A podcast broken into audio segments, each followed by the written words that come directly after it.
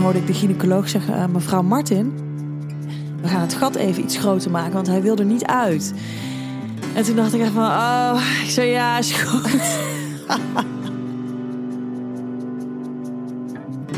Hoi en fijn dat je luistert naar Potnataal seizoen 2 Bevallingsverhalen. Iedere aflevering draait om één vrouw en haar bevallingsverhaal. Ik ben Simone Wijnands. Dit is aflevering 4. Roxanne. Ik ben uh, Roxanne Martin, ik ben 32 jaar, ik kom uit Den Bosch. Ik werk uh, als redacteur bij NPO Radio 2 en op 23 juni uh, 2017 ben ik bevallen van mijn eerste kindje en dat is Otis. Ik ken Roxanne nu al een aantal jaar. We werkten samen op de redactie van Gijs 2.0, het lunchprogramma op Radio 2 van Gijs Staverman. En ik weet nog goed dat ze voor het eerst bij ons op de redactie kwam en dat ik meteen dacht: jou mag ik. Net zo goed als je bij sommige mensen instinctief aan kunt voelen dat ze niet leuk zijn, voelde ik bij haar meteen: jij bent echt een leuke meid. Inmiddels werken we niet meer samen, maar we spreken elkaar nog regelmatig. We spreken af op de redactie waar we elkaar dus ooit voor het eerst ontmoeten. Zij maakte daarmee hoe ik voor de eerste keer zwanger was en ik hoe zij voor de eerste keer in verwachting was. Ze fluisterde het me toen al best in een vroeg stadium in mijn oor, weet ik nog. Extra leuk natuurlijk om zo'n mooi geheim van een collega te mogen bewaren. Ik was 41 weken en er was echt nul activiteit van uh, voorweeën, dat soort dingen. Dus ik uh, had al een beetje aangegeven bij de gynaecoloog in het ziekenhuis van, nou ja, ik, ik heb niet zo zin om tot 42 weken rond te lopen voordat er actie ondernomen wordt. Uh, dus ze zeiden ze van, nou, dan uh, gaan we je met 41 weken inleiden. Dus dat is gebeurd op een dinsdag. En ik uh, ben toen ingeleid met een ballonnetje. Die brengen ze dan in en dan moet je eigenlijk een nachtje gaan slapen. En als het ballonnetje dan in de ochtend loskomt, dan heb je vaak al 3, 4 centimeter ontsluiting. Uh, en het allermooiste is als je lijf dan vervolgens denkt: hey, ontsluiting, ik ga uit mezelf weeën maken. Uh, dat was niet het geval. Want ondanks dat de ballonnetje ochtends eruit kwam, uh, ja, was er met mijn lijf nog niet zoveel aan de hand. Dus toen heb ik um, uh, weeënopwekkers gekregen via gel, die ze ook inbrengen. dus dat was op de woensdag. De weeënopwekkers. Ze blijven terugkomen in deze reeks van Potnataal. En ik heb toen drie sessies van die gel toegediend gekregen. Uh, maar er gebeurde eigenlijk niets. Wat is het dan voor gel? Het is gewoon weeënopwekkers. Uh, je kunt zeg maar uh, via infuus doen of via gel. En gel is de iets mildere manier. waarschijnlijk ook goedkoper. Dus daar beginnen ze gewoon eerst mee. En als dat voldoende is, dan heb je geluk. Ik ken ook mensen die dat ballonnetje hebben gehad. En die bij het uithalen van ballonnetje kwam het vanzelf. Ja, dat is natuurlijk mooi als het lichaam het zelf doet. Maar uh, bij mij is het helemaal niet. Nee, het was echt dat ik denk, nou, dit. Uh, ik, ik, denk niet dat dit het is, zeg maar. Uh, dus uh, nou, eigenlijk die hele dag in het ziekenhuis. Ja, ik zat wel aan een monitor vast en een beetje gelegen, maar er gebeurde helemaal niets. Wat zat je dan te doen? Uh, volgens mij zijn we nog maar, ben ik gewoon een rondje gaan lopen met, met, met, met aan het uh, infuusje vast en weet ik het allemaal wat. En uh, mijn moeder kwam nog een keertje langs en mijn vriend was er de hele tijd bij. Dus die zei van poepoe, lange dag. Ik zei ja, ik kan er ook niet zoveel aan doen. Heerlijk nuchter altijd, die meid. Voor Roxanne en haar vriend lijkt het erop dat deze bevalling een oefening in geduld wordt. Het was heel warm, echt heel. Het was een van de heetste dagen van het jaar die week. Dus ik was heel blij dat ik binnen zat, want ik kon eigenlijk ook echt niet meer uh, thuis rondom huis uh, bivakeren. Dus dat was een soort van een, gelukje dan maar dat ik uh, in de airco zat. En was je zenuwachtig of zo? Of, nee, ik dacht, ik was gewoon meer benieuwd van ah, wanneer zou ik iets gaan voelen? Wanneer zou ik nou iets gaan voelen? En ik voelde gewoon echt niets. En toen dacht ik echt van, ja, ja ik weet ook niet. Ja, ik weet het gewoon niet. Het is de eerste keer, je hebt geen idee. Dus uh, ik dacht, we wachten maar af. Vond je het niet jammer dat het niet uit zichzelf was begonnen? Uh, nou, het maakte me eigenlijk niet zo heel veel uit. Ik dacht meer van, nou ja, wat moet, dat moet. Uh, alleen dat er echt helemaal niets gebeurde met die gel, dacht ik wel, hmm, zit echt heel erg op slot of zo, weet je wel. Ik weet niet zo goed waar dat dan uh, aan ligt. Uh, en nou, die dag ging eigenlijk voorbij en toen moest ik gaan slapen. En toen ehm, in die nacht van woensdag op donderdag, en ik ben dus dinsdagavond daar gekomen, maar woensdag op donderdag nacht uh, lag ik te slapen. Toen hoorde ik eens.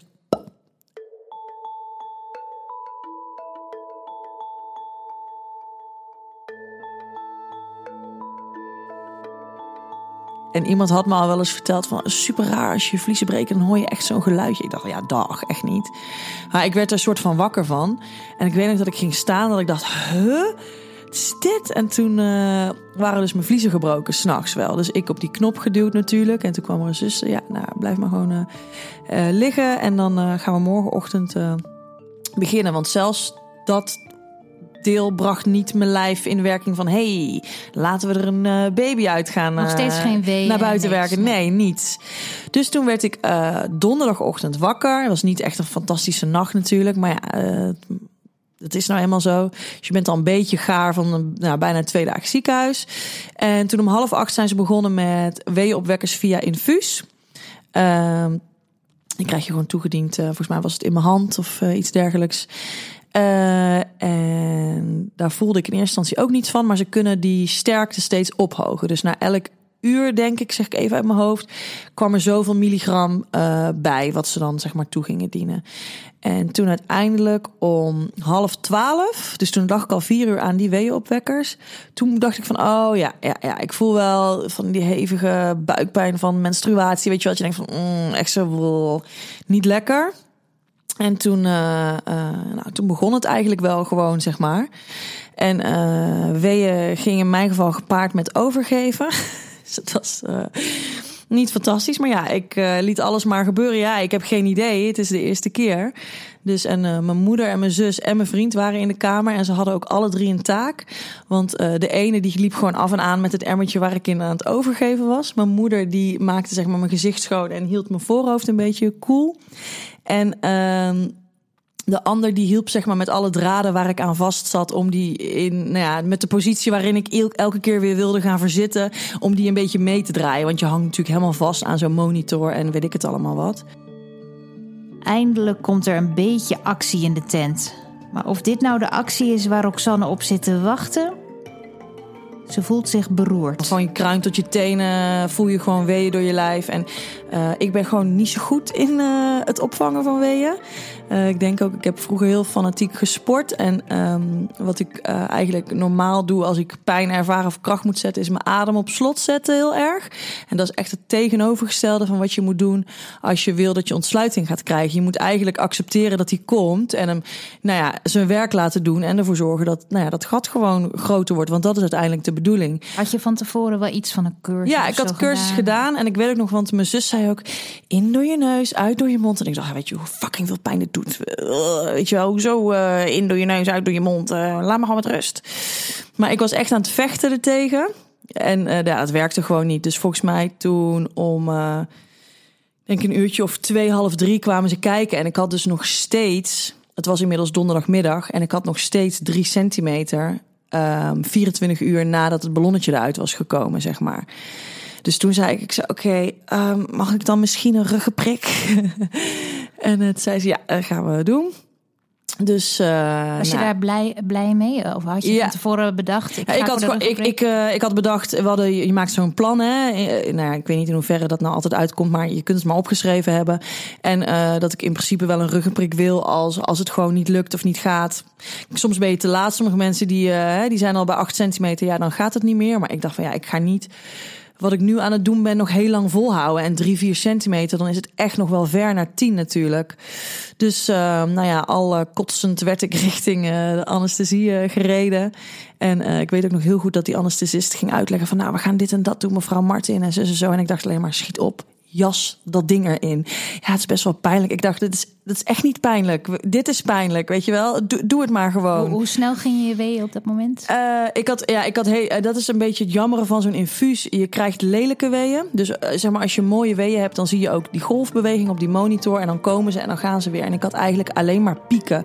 Dus ik kon er gewoon helemaal niets mee, zeg maar. Ik kon het gewoon niet opvangen. Ik kon nergens heen. En ik, voor mijn gevoel, nou niet voor mijn gevoel. Ik was het eigenlijk alleen maar aan het proberen te blokkeren. En ja, en dat werkte dus gewoon niet. Een ruggenprik is op dat moment meer dan welkom.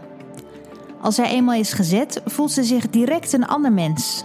Die ehm, ruggenprik is gezet. En eigenlijk, ik denk al binnen een kwartier uh, voelde ik al van... oh ja, oh, nu gaat het goed. En toen was ik terug op de kamer. En toen was ik een soort van heel eventjes uh, mezelf ook weer. Dat ik dacht van, oh ja, dit komt goed. En ik zag op de monitor de weeën wel voorbij komen. Maar ik voelde er eigenlijk niets van. Het was, het was, was echt heel goed gezet, de ruggenprik. Want ik merkte wel dat ik mijn bekkenbodemspier nog kon bewegen. Maar zeg maar, mijn buik en mijn rug waren gewoon verdoofd. En ik had gelukkig geen beenweeën of iets dergelijks.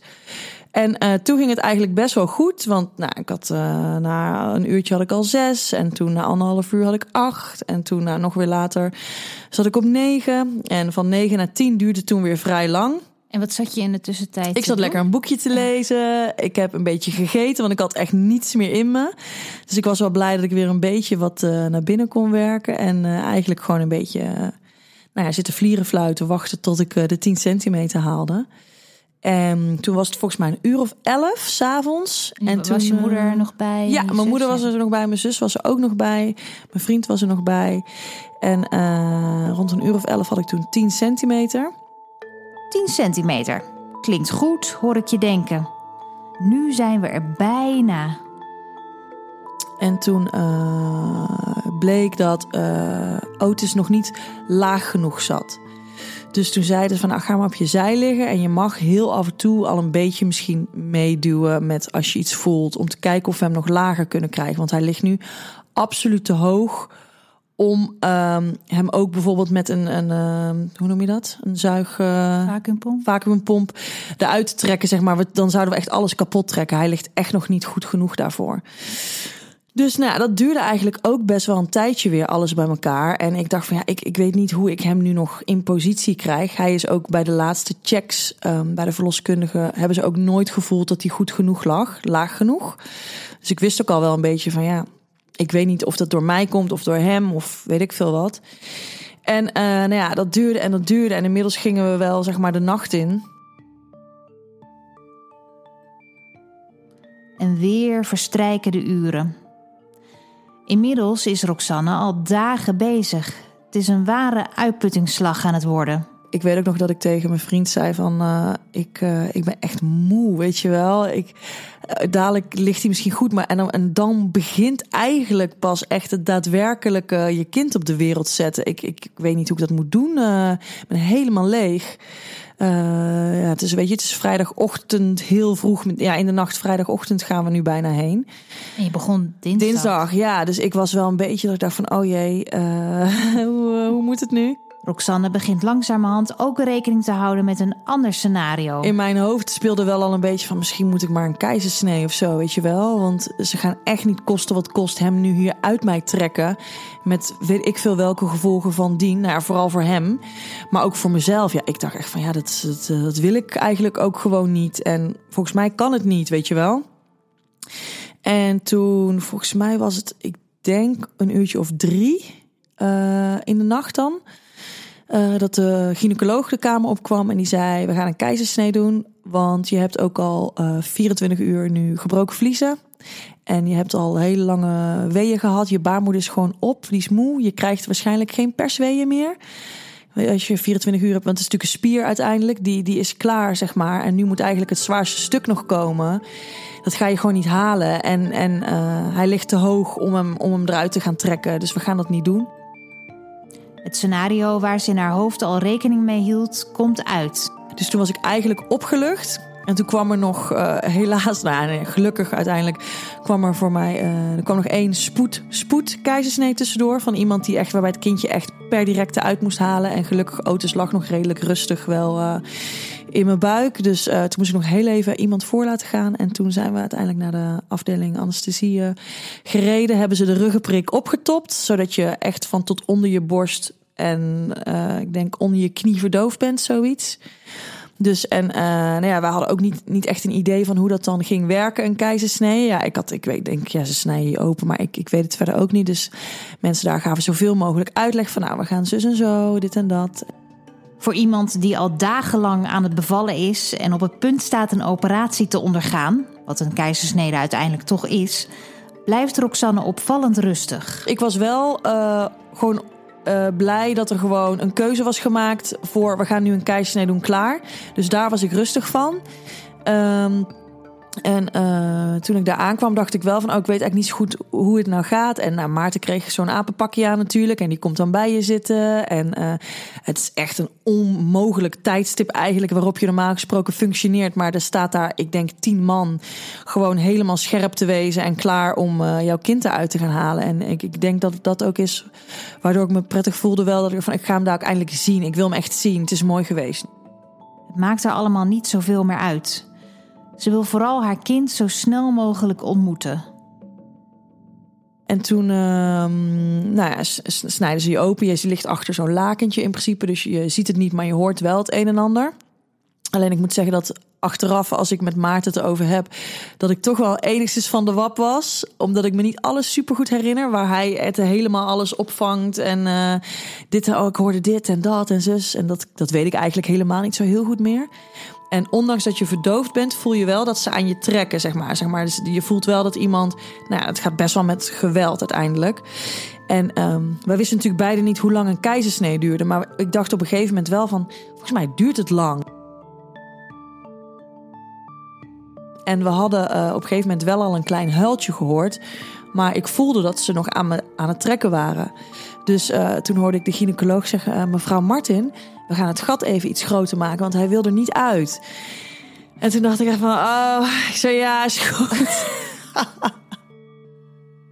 Dit is typisch Rox. Nuchter en vrolijk blijven, ondanks dat ze even een joekel van een winkelhaak in je buik snijden. Ik dacht, ja, hij moet er toch uit. En uh, nou ja, toen uiteindelijk uh, hoorde ik inderdaad... Lieten ze hem eventjes zien voor het raampje, zeg maar. Van, nou, hier is hij. En ik weet nog uh, dat ik toen vroeg ze, en hoe heet hij? En ik was zo, zeg maar, overdonderd door wat er gebeurd was... dat ik alleen maar... ik, kon, ik kon zijn naam niet eens zeggen. Ik hoefde niet te huilen, maar ik kon gewoon, ik kon gewoon niks meer zeggen of zo. En uh, toen zei Maarten, ja, zeg dan. Ik zei, zei nou, hij heet Otis. Oh, Otis, nou, hier is hij. Aan een keizersnede kleven best een hoop nadelen. Ik spreek ook uit eigen ervaring. Maar het heeft ook mooie kanten. Roxanne omschrijft het goed. Wat ik een soort van cool vind aan de keizersnee is dat uh, de vader het eerste contact heeft met de kleine. Wat natuurlijk super bijzonder is. En weet je, hij mag dan mee en dan gaan ze natuurlijk even dat testje doen. En een navelstrengetje knippen en hem even inpakken, mutsje op. En, nou, en al die tijd lig je nog als Jezus aan het kruis op dat, op dat, op dat operatiebed. En ik, gaat het goed of zo, weet je wel? Dus ik had eigenlijk geen idee. Een vreemd en surrealistisch moment is het. Ook hoe Otis eruit ziet is een verrassing voor Rox. Iedereen zegt altijd: Oh, je vindt je eigen kind zo mooi. en ik weet echt nog dat ik dacht: Oh, wat. Hij lijkt wel een beetje op een Chinees of zoiets, dacht ik. Maar die jongen had natuurlijk echt 24 uur weeën op zijn hoofd gehad. En het was natuurlijk helemaal opgezwollen en weet ik veel wat. En ik zag wel, had zwarte haartjes. En uh, nou, hij had lekker gewoon stevig gewicht. Maar ja, ik was natuurlijk ook over tijd, dus dat was wel redelijk de, verwachting. En uh, nou, toen uiteindelijk, uh, terwijl ik nog gehecht werd, kwam, hij dan, kwam Maarten met de kleine zeg maar, bij mijn schouder, bij mijn hoofd. Dus toen kon ik hem uiteindelijk zien. En uh, wat er daarna gebeurde was dat ik begon te klappertanden, dat ik het heel koud had. Dat is volgens mij sowieso na een bevalling is dat, komt dat vaak voor, ook als je normaal bevalt. En toen um, zei ik van ik heb het koud, ik heb het koud, ik heb het koud. En toen kreeg ik uh, zo'n warme blaasbuis. En daar werd ik weer heel erg misselijk van. Maar ik had eigenlijk niets meer om over te geven. Dus ik was een soort van met open gereten buik en buikspieren die nog aan elkaar werden gezet. Weer probeerde ik. Het was echt. En ik weet dat Maart zei: kan, kan, kan iemand haar helpen? Want ik heb, ik heb de kleine en uh, ze is misselijk. En dit werd zo'n soort van half bakje onder mijn gezicht geschoven. En ik lachte echt zo. Uh, uh. ik dacht van, oh, wat is dit? Ik ben het stukje van de operatiekamer naar de uitslaapzaal ben kwijt. Ik ben helemaal KO gegaan. Uh, en toen werd ik wakker. Uh, Otis is om kwart voor vijf geboren. Ik werd denk ik wakker om zes uur op de, op de uitslaapzaal. En het eerste wat ik tegen Maarten zei was... Je moet mijn vriendinnen appen. Ze denken echt dat ik dood ben. Want die had ik om middernacht nog iets laten horen van... Nou, ik heb 10 centimeter, dus we gaan zo waarschijnlijk uh, beginnen. Of weet ik veel wat. Niets meer laten horen, weet je wel. Als ik dacht ik echt van... Oh, die denken echt... Oh, er is echt iets niet goed. Dus nou, en toen had hij dus hen op de hoogte gebracht. En uh, mijn zus was toch maar naar huis gegaan om even te slapen, omdat het zo lang duurde. Mijn moeder heeft in het ziekenhuis gebivakkeerd, die kon niet slapen. Dus die hadden al vanaf de uitslaapzaal berichtje gestuurd van nou, hij is er. Net een dagenlange bevalling doorstaan, met een keizersnede om het af te toppen. Maar toch maakt dat uiteindelijk allemaal niets uit. Toen is eigenlijk het eerste moment dat ik hem echt heb vastgehouden, toen ik daar lag. Uh, en toen dacht ik echt van, oh, daar is hij. En uh, ze ademen natuurlijk nog een beetje zo heel uh, ja, gekkig. Omdat het voor het eerst is dat ze die longetjes gebruiken en zo. En dat ik echt dacht van, oh, dit, maar dit is, dit is hem dus of zo. Dus jij was het al die tijd of zo, weet je wel. Dat kan ik me nog heel goed herinneren. Hij woog 39,10 of zo. Dus het was gewoon wel lekker een stevige baby. En haartjes. En ik weet nog dat ik heel erg aan, hem wilde ruiken en zo. En dat ik dacht van, oh yes. En um, toen mocht ik na, nou, ik denk dat een half uurtje later mochten we terug naar de kamer. Want alles was goed met hem. En um, ik weet nog, ik denk dat ik die dag, dus het is vrijdagochtend heel vroeg eigenlijk. We hebben, niet, we hebben eigenlijk niet echt geslapen, maar de dag begint voor de meeste mensen en hij is, hij is er. En ik weet nog dat ik naar hem keek en dat ik toen toch had gedacht, oh, nou zo erg was het ook weer niet. Het herstel na een keizersnede is helaas vaak een stuk pittiger dan wanneer je gewoon bevalt. Balen wel, vindt Roxanne. Maar van de keizersnede op zich baalt ze niet. Ik heb altijd een vergelijking. Ik heb een keer mijn, mijn kruisband gescheurd, uh, waarvoor ik ook onder het mes ben geweest. En als ik denk aan het moment dat ik mijn kruisband scheurde, dan voel ik nog de pijn dat ik echt dacht van, oh ja, echt, deed zoveel pijn en ik voelde me echt zo naar. En ik, ik weet uh, dit bevallingsverhaal helemaal te vertellen. En ik, ik weet ook nog helemaal hoe het was. Maar ik voel het niet meer. Ik kan, ik kan de pijn niet herproduceren. Ik kan het wel vertellen, maar ik voel het niet meer, zeg maar. Uh, zonder dat ik het op dat moment daadwerkelijk meemaak. En dat heb ik bij die kruisband bijvoorbeeld wel. Dat ik echt van, oh ja, ik weet het weer. Uh, moet ik echt niet aan denken. Ik kan ook echt niets zien van iemand die een soort gelijke blessure heeft op een filmpje. Denk ik van, oh nee, oh nee, alsjeblieft niet. Ik weet het weer, ik weet het weer. Terwijl bij een bevalling denk ik van, ja, het was echt de hel. Maar ja, weet je, het maakt ook eigenlijk helemaal niets uit. Want hij was er en uh, ja, het is uiteindelijk toch gelukt.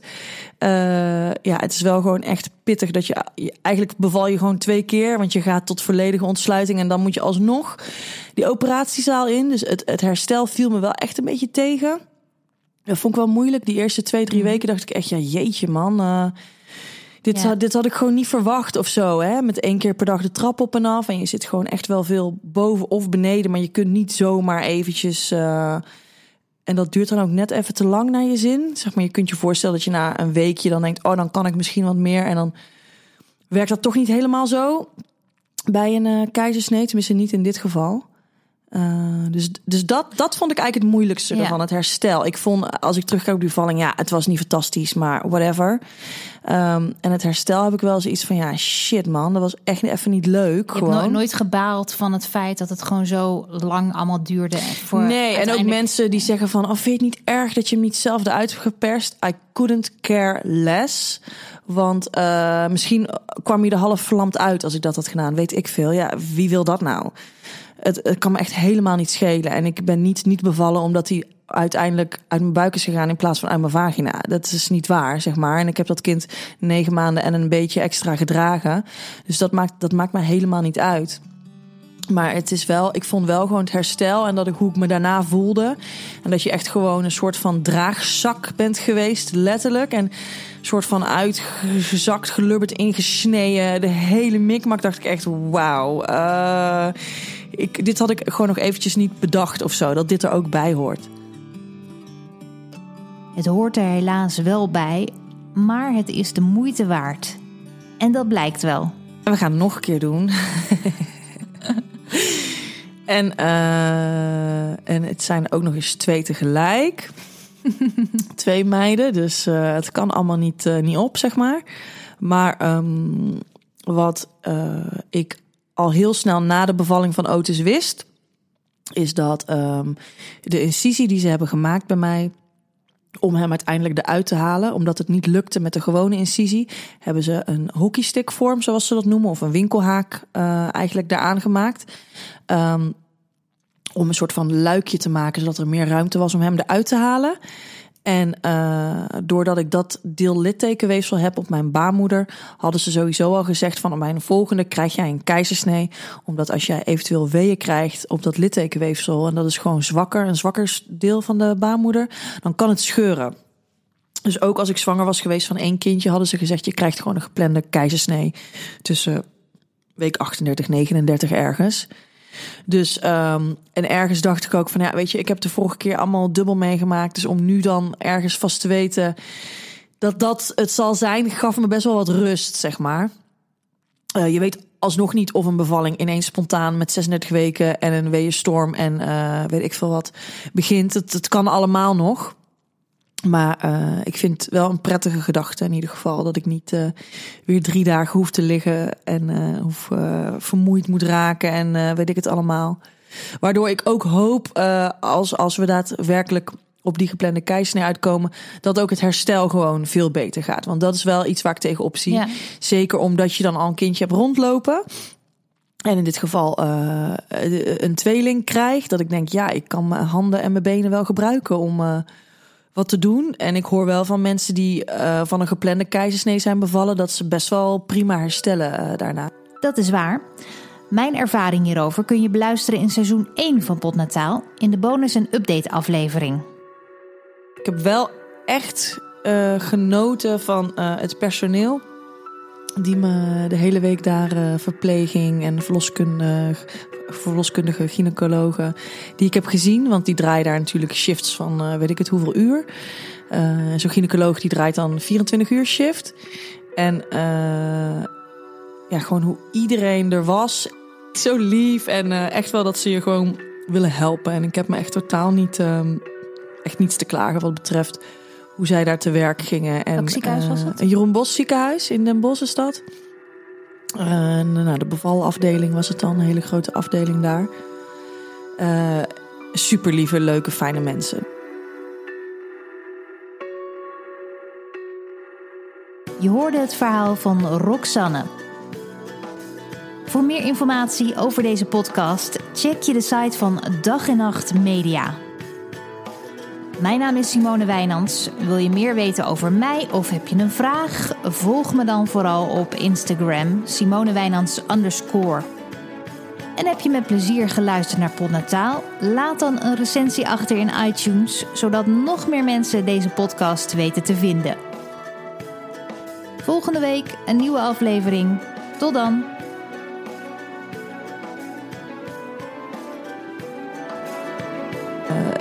Nog op een gegeven moment zei de verloskundige die draait al een shift van acht uur. Hij zei, nou, morgen zie ik je vast niet meer. Ik zei, nou, ik hoop het. Nou, ben je er nog steeds? Ik zei, ja, ik ben er nog steeds.